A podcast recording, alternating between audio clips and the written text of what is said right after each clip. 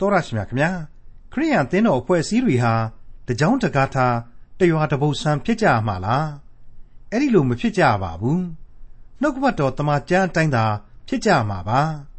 တမန်ကျမ်းကိုကိုလိုရာကိုဆွဲပြီးအ내အတိတ်ပဲဖွင့်ဆိုကြရမှာလဲမဟုတ်ပါဘူးမင်္ဂလာဆောင်ခြင်းအမှုမပြုရဘူးဟိုအသားမစားရဘူးဒီအသားမစားရဘူးစသဖြင့်ခရိယန်အသင်းတော်အဖွဲ့အစည်းတွေအတွင်းမှာကပြည့်ရပြည့်လောက်ကြတဲ့သူတွေ အော်တပစိတ်မှာတန်ပူနဲ့ခတ်ပြီးတော့မူသာစကားကို ပြောတတ်ကြတဲ့သူတွေရဲ့အရင်အမြစ်ကိုတွေးကြရမယ်ခရိယန်တမန်ကျမ်းရဲ့ဓမ္မသစ်ကျမ်းပိုင်းတွေကတိမောသေဩဝါဒစာပထမဆောင်အခန်းကြီး၄အခန်းငယ်၁ကနေအခန်းငယ်9အထိကိုဒီကနေ့သင်သိရတော့တမန်ကျမ်းအစီအစဉ်မှာလေ့လာမှာဖြစ်ပါတယ်လူသားတွေရဲ့မာမာနနဲ့လူအတွေ့အခေါ်အမျိုးမျိုးဟာခရိယန်အသင်းတော်အဖွဲ့အစည်းတွေထဲမှာအမြဲခေါင်းထောင်နေတာဟာဖြင့် စာရမဏေရဲ့လက်ချက်ဆိုတာကို အထင်အရှားသိမြင်ကြဖို့တိမောသေဩဝါဒစာပထမဆောင်အခန်းကြီး၄အခန်းငယ်၁ကနေအခန်းငယ်9အထိကိုဒေါက်တာထွန်းမြတ်အေးကအခုလိုသုံးသပ်တင်ပြထားပါတယ်။သင်သိရသောသမ္မာကျမ်းရဲ့မိတ်ဆွေတို့တတ်ရှင်အပေါင်းတို့အသင်းတော်တွင်ဖောက်ပြန်ခြင်းများဆိုတဲ့ခေါင်းစဉ်နဲ့စတင်လေ့လာသွားရမယ်။တိမောသေဩဝါဒစာပထမစာဆောင်အခန်းကြီး၄ကိုဒီကနေ့အဖို့ရောက်ရှိလာပါပြီ။ တိမောသေဩဝါဒစာပထမစာဆောင်အခန်းကြီး၄အငယ်၁မှာဖော်ပြလိုက်တာကတော့အခုလိုဖြစ်ပါတယ်ဝိညာဉ်တော်သည်အတိအလင်းဗျာဒိတ်ထားတော်မူသည်ကားနောင်ကာလ၌ဩတ္တပစိတ်တွင်တန်ဘူးနှင့်ခတ်ချင်းကိုခံပြီးလျင်မှုသာစကားကိုပြောတတ်သောသူတို့၏လျှို့ဝှက်ခြင်းအဖြစ်လူအချို့တို့သည်ယုံကြည်ခြင်းကိုစွန့်ပယ်၍လှည့်ပြားတတ်သောစိတ်ဝိညာဉ်တို့၌၎င်းနတ်ဖျားတို့နှင့်ဆက်ဆိုင်သောဩဝါဒတို့၌၎င်းမှီဝဲစည်းကပ်ကြလိမ့်မည် အခုဖတ်ခဲ့တာကတော့တိမောသေဩဝါဒစာပထမစာဆောင်အခန်းကြီး၄အငယ်1နဲ့2ပဲဖြစ်ပါတယ်မိတ်ဆွေအပေါင်းတို့အသင်းတော်ရဲ့အတွင်းမျက်နှာစာမှာဘလောက်ပဲခိုင်မာတဲ့မူဝါဒတွေချချအပြင်လက္ခဏာတွေဟာမကောင်းဘူးဆိုရင်အလကားပဲအဲ့ဒီတော့အတွင်းမျက်နှာစာမှာဘယ်လိုခိုင်မာတဲ့မူဝါဒရှိရမလဲဆိုတာကိုတမန်တော်ကြီးဟာဒီဩဝါဒစာအစမှကတည်းကဖော်ပြပေးခဲ့ပြီးဖြစ်ပါတယ်အနှစ်ချုပ်ကတော့ခရစ်တော်ဤကေတင်ခြင်းတရားပေါ်မှာသာလျှင် အခိုင်အမာအခြေခံမူချမှတ်ရမယ်ယုံကြည်ခြင်းတရားသာလျှင်အဓိကဆိုတဲ့အချက်ပဲဖြစ်ခဲ့ပါတယ်အနည်းဆက်ဆုံးဖြစ်တဲ့ပြီးခဲ့တဲ့သင်ခန်းစာဏိဂုံးပိုင်းဟာဒီအချက်ကိုမိမောင်းထုတ်ပြခဲ့တယ်လို့ကျွန်တော်ဆိုချင်ပါတယ်ဟုတ်ပါတယ်ပြီးခဲ့တဲ့အခန်းကြီး3ရဲ့ဏိဂုံးကျမ်းပိုက်အခန်းငယ်15နဲ့16တို့ကိုပြန်ပြီးတော့အလွန်ပြေနားဆင်ကြည့်ကြပါအောင်စို့သင်ရှိရာသို့ငါမြန်မြန်လာမည်ဟုမျှော်လင့်ခြင်းရှိတော်လေတာရှိစွာနေလျင် သင်သည်ဖျားသခင်အိမ်တော်၌အဘယ်သို့ကြင့်ကြံပြုမှုရမည်ကိုသိစေခြင်းဟာဤသို့ငါရေး၍ပေးလိုက်၏ထိုအိမ်တော်ကအသက်ရှင်တော်မူသောဖျားသခင်အသင်းတော်ဖြစ်၏ထိုအသင်းတော်ကသမာတရား၏အမိတကယ်ဖြစ်၏သမာတရား၏တရားလည်းဖြစ်၏မှန်သောကိုးကွယ်ခြင်း၏နည်းနည်းသောအရာသည်ကြီးစွာသောအရာဖြစ်သည်ဟုညင်းခုန်ရန်မရှိဘုရားသခင်သည်ကိုယ်ခန္ဓာ၌ပေါ်ထွန်းတော်မူပြီး ဟုတ်မှန်တော်မူခြင်းအကြောင်းသည်ဝိညာဉ်တော်အားဖြင့်ထင်ရှားပြီ။ကောင်းကင်တမန်တို့သည်ကိုတော်ကိုရှုမြင်ရကြပြီ။တပါးမျိုးသားတို့သည်သတင်းတော်ကိုကြားရကြပြီ။လောကီသားတို့သည်ယုံကြည်ရကြပြီ။ဘုံအသရေနှင့်တကွအထက်သို့ဆောင်ယူခြင်းကိုခံတော်မူပြီတဲ့။ဒါရီဟာအသင်းတော်တို့ရဲ့မပြည့်ပြည့်နိုင်သောအမှုမပြည့်ပြည့်နိုင်သောမူမမေ့နိုင်သောတစ္ဆာတရားအခြေခံတွေချမှတ်ဖို့ရန်အကြောင်းပဲဖြစ်ပါလေ ခရစ်တော်ဒီဟုသောခန္ဓာတော်မှာဘုရားသခင်ကိုမြင်ရတယ်ပြီးတဲ့နောက်ဝိညာဉ်တော်အဖျင်အသက်ရှင်တော်မူခြင်းကိုတဖန်သက်သေပြခဲ့တယ်ကောင်းကင်တမန်တို့အဖျင်လေသူ့ရဲ့ဘုန်းတော်ကိုထွန်းလင်းစေခဲ့ပြီဖြစ်တယ်လူသားတို့ရဲ့ရှေ့မှာလေကောင်းကင်နိုင်ငံတော်ကိုဘုန်းတော်ဝင်စားခြင်းခံယူခဲ့ပြီးဖြစ်တယ်ဆိုတဲ့အချက်တွေးဟာဧဝံဂေလိဝမ်းမြောက်ဖွယ်ကယ်တင်ခြင်းတရားသည်သမာတရားသာဖြစ်သည်ထိုတရားသည်အသင်းတော်၌အမိပြု၍အသင်းတော်၌တည်နေသောတရားဖြစ်သည်ဆိုတာကိုဖော်ပြပေးလိုက်ပါတယ် အခုတိမောသေဩဝါဒစာပထမစာဆောင်အခန်းကြီး၄မှာကျတော့စစချင်းမှာပဲအဲ့ဒီအခြေခံသဘောတရားတို့ကိုဖောက်ပြန်သောအသင်းတော်တို့အနာဂတ်မှာပေါ်ထွက်လာလိမ့်မယ်တဲ့ကြောက်ခမန်းလိလိကြီးဖြစ်နေပြီကျမ်းစာကပြောလိုက်တာကတော့နောင်ကာလ၌တဲ့အင်္ဂလိပ်က later time ဆိုပြီးတော့ဖော်ပြပါတယ်အဲ့ဒီနောင်ကာလ၌ဆိုတဲ့ပြဿနာဟာအလွန်ကြီးကျယ်တဲ့ပြဿနာရှုပ်ထွေးတဲ့ပြဿနာလို့ကျွန်တော်ဆိုချင်ပါတယ်ဘာဖြစ်လဲဆိုတော့ တန်ရှင်းသောဝိညာဉ်တော်ဟာတမန်တော်ကြီးမှတဆင့်ဗျာဒိတ်ထားခဲ့လို့ဖြစ်တယ်။ဗျာဒိတ်ထားတဲ့ဆွဲနေရာမှာလေရိုးရိုးမဟုတ်ဘူး။အတိအလင်းလို့ဖော်ပြလိုက်လို့ဖြစ်ပါတယ်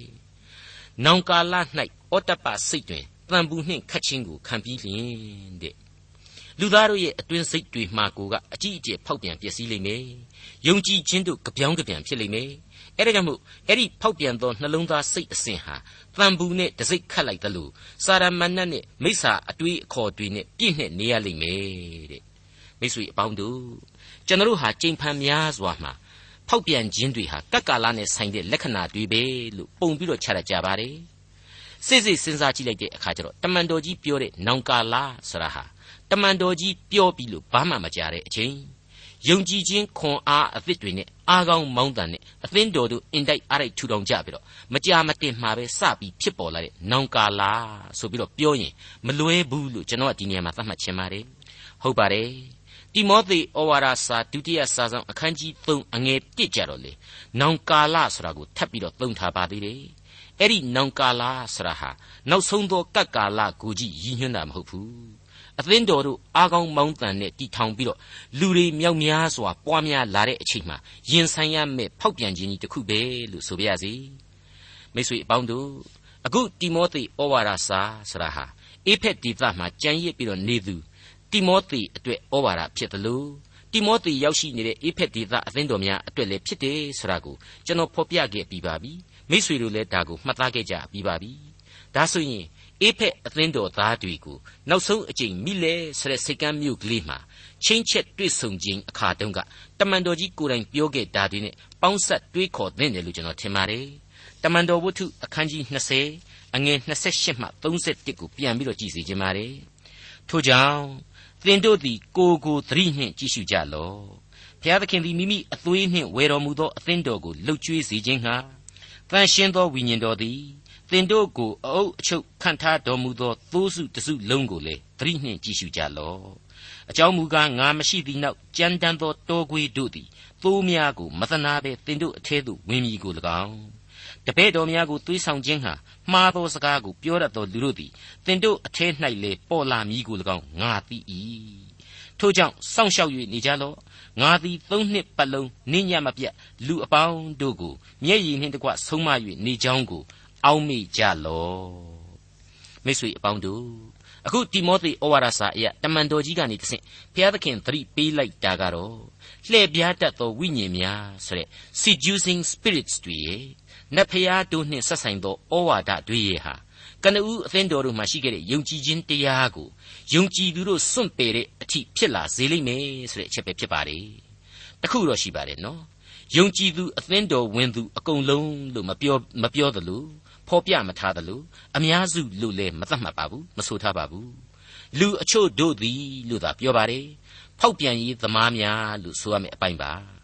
လှည့်ပြားတတ်သောဝိညာဉ်ဆရာဟာအတော်ကြီးကြောက်စရာကောင်းတဲ့စာရမဏတ်ရဲ့မာယာထောင်ချောက်လို့ကျွန်တော်ဆိုချင်ပါတယ်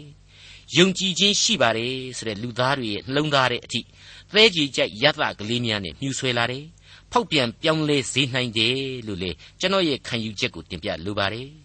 တမန်တော်ကြီးတို့ရဲ့ခေတ်နောက်ပိုင်းမကြာခင်မှာပဲမြောက်အာဖရိကတိုက်မှာအခြေပြုတဲ့ Coptic လို့အမည်ရှိတဲ့ခရစ်ယာန်အသင်းတော်ကြီးတွေဟာအဲ့ဒီနီးနဲ့ဖောက်ပြန်သွားခဲ့ဘူးတယ်လို့မှတ်တမ်းများအရာကျွန်တော်တို့သိနိုင်ပါတယ်အဲ့ဒီလှည့်ပြားခြင်းတွေနတ်ဖျားတို့နဲ့ຫນွယ်ရှဲနေတဲ့အယူတွေဝင်လာပြီဆိုရင်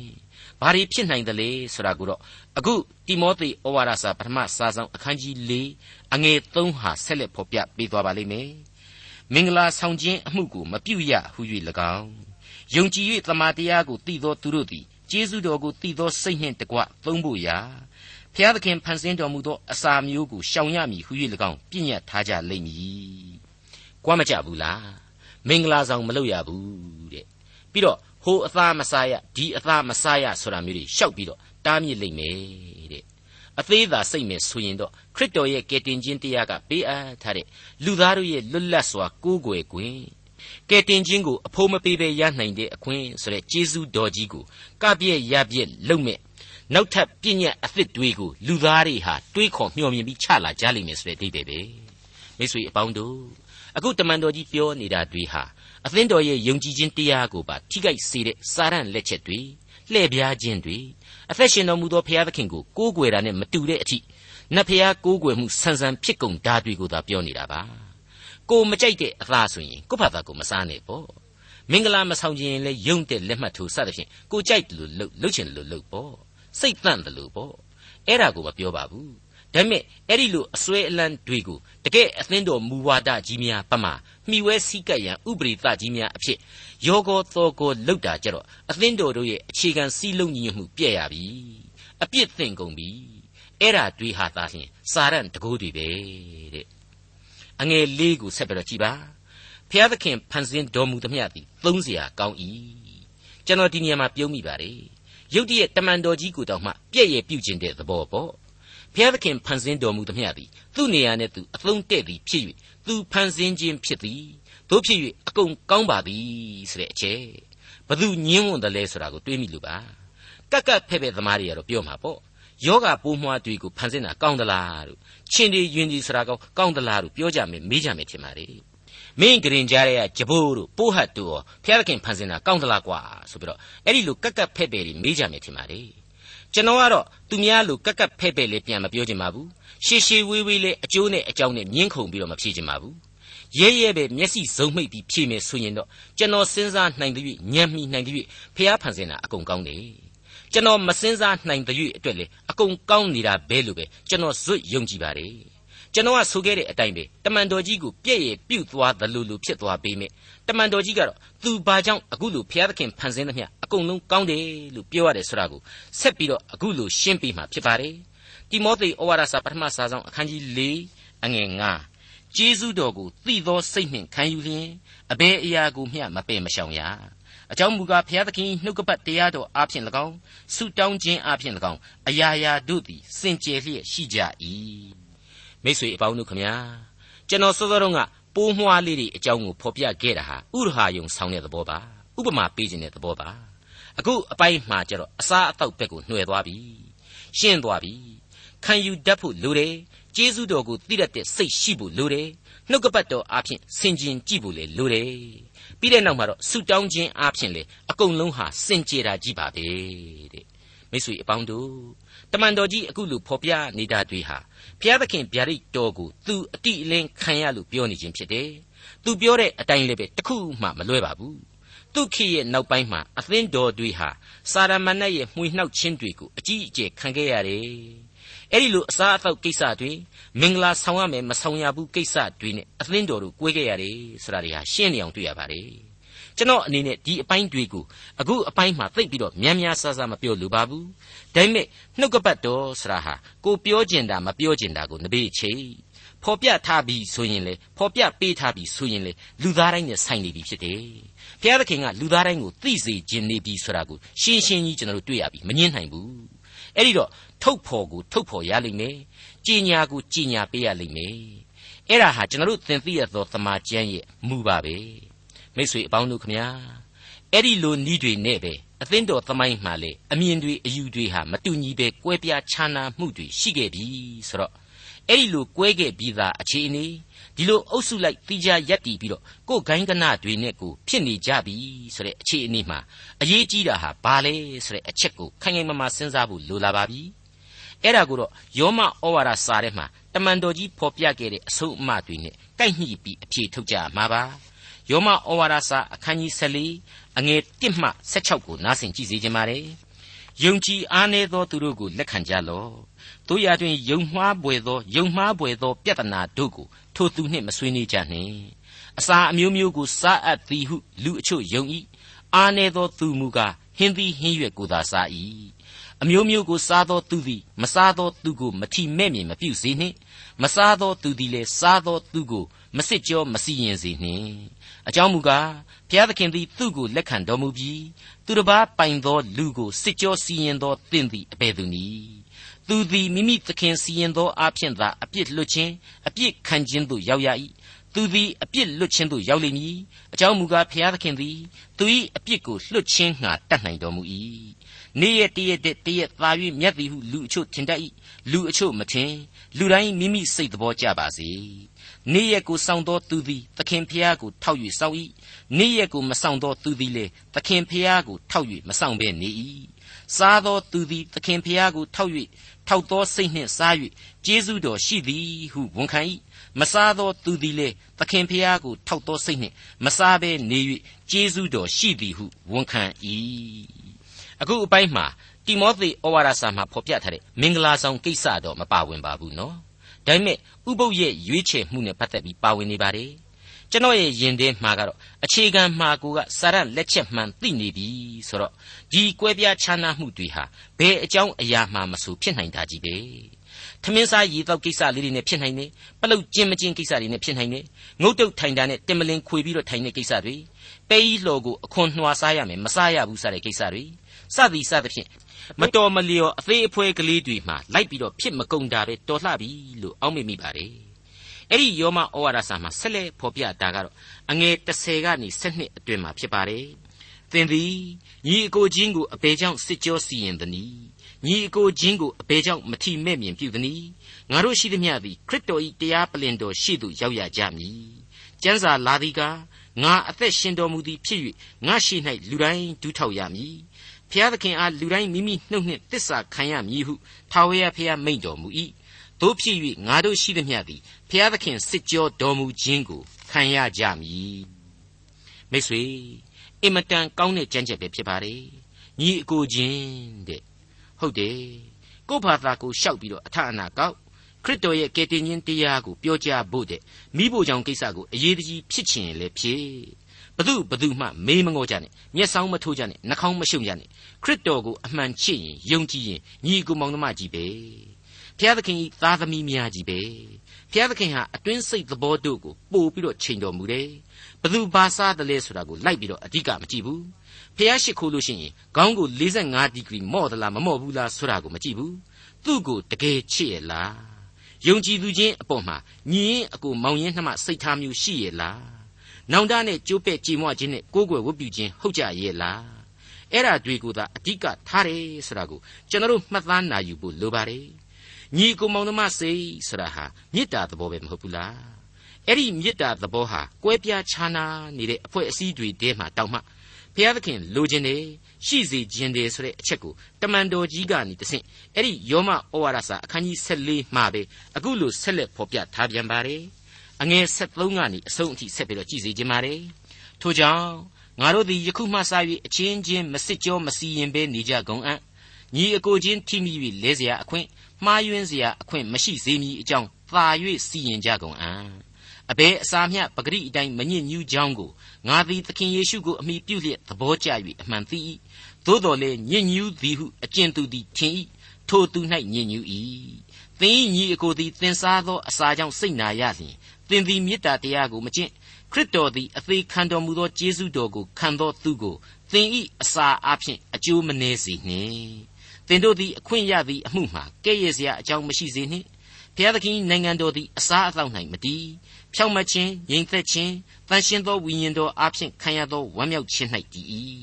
ထို့သောကျင့်၍ခရစ်တော်၏အမှုကိုဆောင်ရွက်သောသူသည်ဘုရားသခင်ရှိ၌နှစ်သက်ဖွယ်လူတို့တွင်ချီးမွမ်းဖွယ်ဖြစ်၏ထို့ကြောင့်ငြိမ်သက်ခြင်းနှင့်၎င်း အချင်းချင်းတိဆောက်ခြင်းနှင့်၎င်းရှင်သောအရာတို့ကိုမှီအောင်လိုက်ကြကုန်အံ့ဘုရားသခင်အမှုတော်ကိုသင်၏အစာအလိုငှာမဖြစ်စည်းနှင့်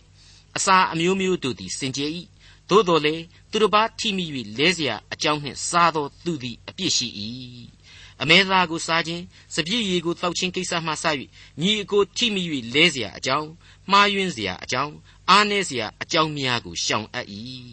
သင်သည်ယုံခြင်းရှိလျင် ကိုအလိုလျောက်ဘုရားသခင်ရှိ၌ရှိစေလော့ကိုလက်ခံသောအမှုမှာကိုကိုမစစ်ကြောမစီရင်သောသူသည်မင်္ဂလာရှိ၏ယုံမှားသောသူသည်စားလျင်ယုံသောစိတ်မရှိဘဲစားသောကြောင့်အပြစ်စီရင်ခြင်းကိုခံရ၏ယုံသောစိတ်မရှိဘဲကျင့်သမျှသောအကျင့်တို့သည်အပြစ်ရှိကြ၏မေတ္တာတရားနဲ့နားလေခွင့်လွှတ်ခြင်းမေတ္တာတရားနဲ့အလိုကိုလိုက်ခြင်းမေတ္တာနဲ့သဘောထားကြီးမြတ်ခြင်းဆိုတာတွေကိုဖော်ပြတယ်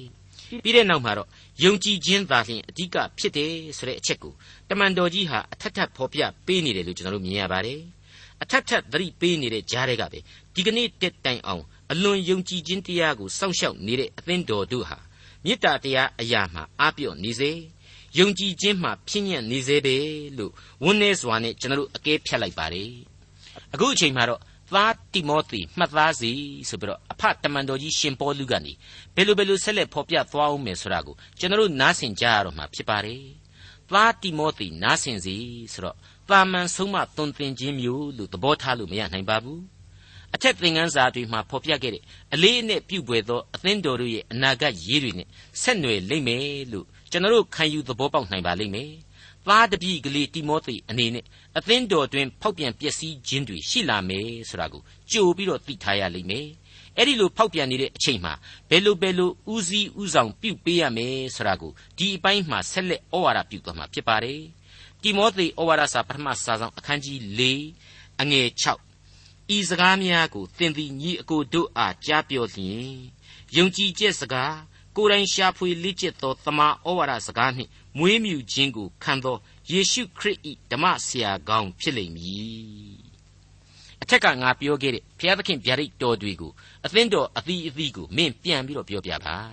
အဲ့ဒီလိုသာပြန်ပြောလိုက်ရင်မယ်ဆိုရင်မင်းရဲ့ယုံကြည်ခြင်းမင်းရဲ့သမာသမတ်ကြတဲ့နှုတ်ကပတ်တော်ကိုကျွန့်ကျင်စွာပိုင်နိုင်စွာနားလေခြင်းတို့အပြင်မင်းဟာကယ်တင်ရှင်သခင်ခရစ်တော်ရဲ့ဓမ္မဆရာကောင်းတစ်ယောက်ဖြစ်လာရလိမ့်မယ် အဲ့ဒီလိုတမန်တော်ကြီးကနေပြီးတော့တိမောသေကိုအားပေးလိုက်ပါတယ်သိတိတင်ပေးလိုက်ခြင်းလို့လည်းဆိုနိုင်ပါတယ်ဒါဟာအမှန်တရားပါယုံကြည်ခြင်းရှိပြီးသားဖြစ်တဲ့အသင်းတော်ကိုယုံကြည်ခြင်းခိုင်မာတဲ့ဓမ္မဆရာတယောက်ဟာနှုတ်ကပတ်တော်အတိုင်းဆုံးမဩဝါဒပေးနိုင်မယ်ဆိုရင်ဒီအသင်းတော်ဟာဘာမှဆန့်ကျင်မှုအမြင်မှားမှုတွေမရှိနိုင်ပဲနဲ့လက်သင့်ကိုခံမှအမှန်သေးကြပါတယ်ကျေးဇူးတောင်မှတင်အောင်မှာပဲလို့လည်းကျွန်တော်ခံယူပါတယ်ကျွန်တော်တို့ဟာတိမောသေဩဝါဒစာပထမစာဆောင်အခန်းကြီး3 အငယ်1နဲ့2မှာအခုလိုတွေ့ကြကြပြီဖြစ်ပါတယ်သင်းအုပ်အရာကိုတောင့်တသောသူသည်ကောင်းသောအမှုအရာကိုတောင့်တသည်ဟူသောစကားသည်မှန်သောစကားဖြစ်၏ထို့ကြောင့်သင်ယုတ်သည်အပြစ်တင်ခွင့်နှင့်ကင်းလွတ်သောသူမယားတယောက်ကြီးရှိသောသူတမာတရိရှိသောသူအိန္ဒိယေဆောင်သောသူလျှောက်ပတ်စွာကျင့်သောသူဧည့်သည်ဝတ်ကိုပြုတတ်သောသူဆုံးမဩဝါဒပေးတတ်သောသူဖြစ်ရမည်တဲ့မိတ်ဆွေ ဆုံးမဩဝါဒပေးတတ်ခြင်းဆရာဟာလူလူချင်းအမြင်နဲ့ပြောရမယ်ဆိုရင်တော့ပါးရည်နတ်ရည်ရှိခြင်းလူတွေရဲ့အထာကိုသိခြင်းဘယ်လိုဘယ်လိုဘယ်အချိန်မှဘာကိုပြောရမယ်ဆိုတာတွေကိုကြိုတင်ပြီးတော့တွက်ဆနိုင်ခြင်းဉာဏ်ရည်ကောင်းခြင်းဆိုတဲ့သဘောမျိုးတချို့ကတွေးပါတယ်ဒီအကြောင်းနဲ့ပတ်သက်ပြီးတော့လေမိတ္တဗလဒီကာအစရှိတဲ့ကျမ်းစာအစူစူမှာလေဒီအကြောင်းတွေကိုဖော်ပြထားတာကိုတွေ့ရပါတယ် အဲ့တော့ဒါရီယာမှားသလားဆိုရင်မှန်သင့်တဲ့လောက်မှန်တယ်လို့ပဲပြောရပါလိမ့်မယ်မွေကဲ့သို့လိမ္မာပန်းနိုင်ရမယ်ဂျိုးငှက်ကဲ့သို့လိမ္မာရမယ်ဆိုတဲ့အချက်တွေးကိုဒါလေးတွေဟာအသေးစားလိုအပ်ချက်ကလေးတွေလောက်ပါကွာဆိုပြီးတော့ပေါ့ပေါ့သဘောထားလို့မရနိုင်ပါဘူးအဓိကအဖြစ်အခုဖော်ပြခဲ့တဲ့အခန်းကြီး၄ရဲ့အငယ်6ကဖော်ပြချက်ဟာအစဉ်ခင်မိစေပဲလို့ကျွန်တော်ခံယူပါတယ်ဤစကားများကိုသင်သည်ညီအကိုတို့အားကြားပြောလျင်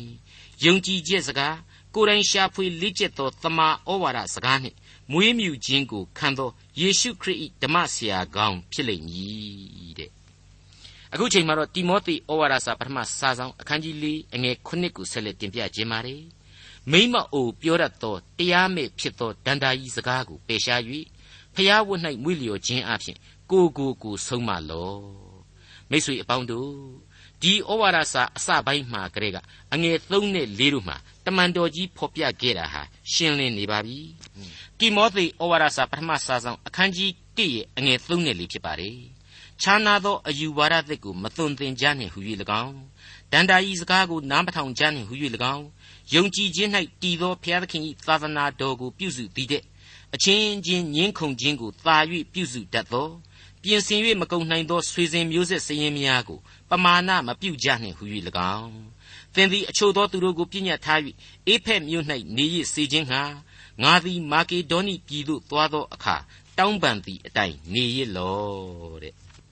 ချမ်းသာသောအယူဝါဒသည်အငင်းအခုံပြိပခခေတ်နောက်ပြန်ဆွဲမှုစတဲ့အသင်းတော်တွင်ပြဿနာတွေအလုံးအနဲ့ ယုံတန်းစကားတွေစိတ်ကူးရင်အတွေ့အခေါ်တွေယုတ်တိမရှိတဲ့ထွင်လုံးတွေအဲ့ဒါတွေကဘာလို့မလဲဘာမှတန်ဖိုးမရှိဘူးအဲ့ဒီစကားတွေကိုပြောတတ်တဲ့လူတွေဟာမိမ့်မအိုကြီးတွေပဲတဲ့ရည်စရာမကောင်းဘူးလားမိမ့်မအိုဆိုတာဟာအဖွားအိုကြီးတွေကိုအဖွားကြီးတွေကိုရွေးပြီးတော့ပြက်ချော်ချော်ပြောတာမျိုးမဟုတ်ပါဘူးနော်အရာမရောက်အကျိုးမပြုတဲ့အစွဲအလန့်တွေမထားဖို့ပါ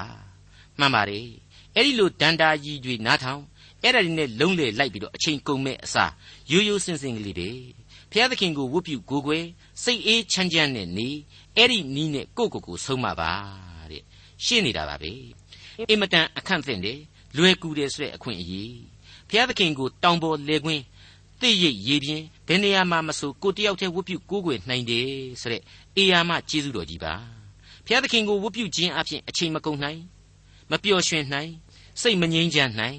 အဲ့ဒီမှာတင်မုတ်စိတ်မွေးကိုဆွဲဆွဲပြီးတော့လောကကြီးမှာဒီမုတ်စိတ်မွေးဘာကြောင့်ပေါက်ရတာပါလဲ။အော်မုတ်စိတ်မွေးမုတ်စိတ်မွေးရိတ်ပြည့်ရင်ကောင်းမလားဒီတိုင်းထားရင်ကောင်းမလားမထူပါဘူးလေရိတ်ပြစ်တာပဲကောင်းပါလေဆိုပြီးတော့သွားရိတ်ပြစ်တခါမုတ်စိတ်မွေးမရှိတော့မှဆွဲเสียမရှိအဲ့ဒီမှာတင်လက်တွေကအားနေတော့ကိုကိုကိုပြန်နောင်တရပြီးတော့မုတ်စိတ်မွေးပြန်ထားပြန်ဆွဲစသဖြင့်တန်တရားလဲနေမယ်ဆိုရင်တော့ဒီသေးငယ်တဲ့အကျင့်ကလေးတွေကိုယ်တိုင်ဟာကိုကိုစိတ်တစသမားကြီးဖြစ်သွားစေနိုင်လေ ဘယ်လို့မှကြက်မပြေနိုင်တဲ့လူသားတွေဟာအဲ့ဒီနီးအားဖြင့်အစွန်းရောက်မိမ့်မော့အိုဒန္တာကြီးသမားတွေဖြစ်သွားစေနိုင်တယ်ဆိုတာကိုတမန်တော်ကြီးဆိုလိုခြင်းပါမိတ်ဆွေအပေါင်းတို့ခမညာအခုကျွန်တော်ဟာဒီသင်ခန်းစာတွေကိုဘာသာပြန်ဆိုပြင်ဆင်နေစေမှာပဲဝိညာဉ်တော်ဖျားဆင်းသက်တော်မူပါလောကဆွဲလန်းခြင်းကိုစိတ်မှဖယ်ရှားကိုတော်စွမ်းအားကြီးအားနေခြင်းမဆကိုတော်ရှင်အားအကျွင့်မဲ့ချစ်စီပါဆိုတဲ့တေးသံကိုနားထဲမှာသွားပြီးတော့ကြားရောက်မိပါတယ် တခါဆက်ပြီးတော့ကိုတော်စင်တူရှိကြောင်းသိစေမူပါစုံစမ်းခြင်းကိုခံနိုင်စေတော်မူပါမိစ္ဆာယူဝါဒပုံကန်ခြင်းစီတာတောင်းသမျှမရလျင်သီးခံစေပါဆိုတဲ့ဒုတိယအပိုက်ကိုလည်းဆက်ပြီးတော့နားဆွနေမိပါတယ်မှန်ပါတယ်မိတ်ဆွေလူသားအပေါင်းတို့ရဲ့မာမာနတွေနဲ့အတွေးအခေါ်တွေဟာအသင်းတော်တွေကြားထဲမှာအစဉ်အမြဲကောင်းထောင်နေပါတယ် စာရမဏေနဲ့မိစ္ဆာတကူအမျိုးမျိုးတို့ရဲ့လက်ချက်တွေပဲဆိုတာကိုဘုရားသခင်ဟာတမန်တော်ကြီးရှင်ပေါလုကနေတဆင့်တိမောသေဩဝါဒစာကိုအသုံးပြုပြီးတော့ဖော်ပြပေးနေပါတယ်ဝိညာဏအသင်းတော်သားတို့အတွက်ကြောက်เสียမရှိဘူးလို့ကျွန်တော်ပြောလိုပါတယ်ဟုတ်ပါတယ်အဓိကလိုအပ်ချက်ကတော့ကိုတော်အစဉ်တူရှိကြောင်းကိုသိနာလေစေဖို့ပါဒေါက်တာထွန်းမြတ်ရေးစီစဉ်တင်ဆက်တဲ့တင်ပြရတော်တမချန်းအစီအစဉ်ဖြစ်ပါတယ်နောက်တစ်ချိန်အစီအစဉ်မှာခရိယန်တမချန်းရဲ့ ဓမ္မသစ်ကျမ်းပိုင်းတွေကတိမောသေဩဝါဒစာပထမဆုံးအခန်းကြီး၄အခန်းငယ်၈ကနေအခန်းငယ်16အထိကိုလေ့လာမှာဖြစ်တဲ့အတွက်စောင့်မျှော်နားဆင်နိုင်ပါတယ်။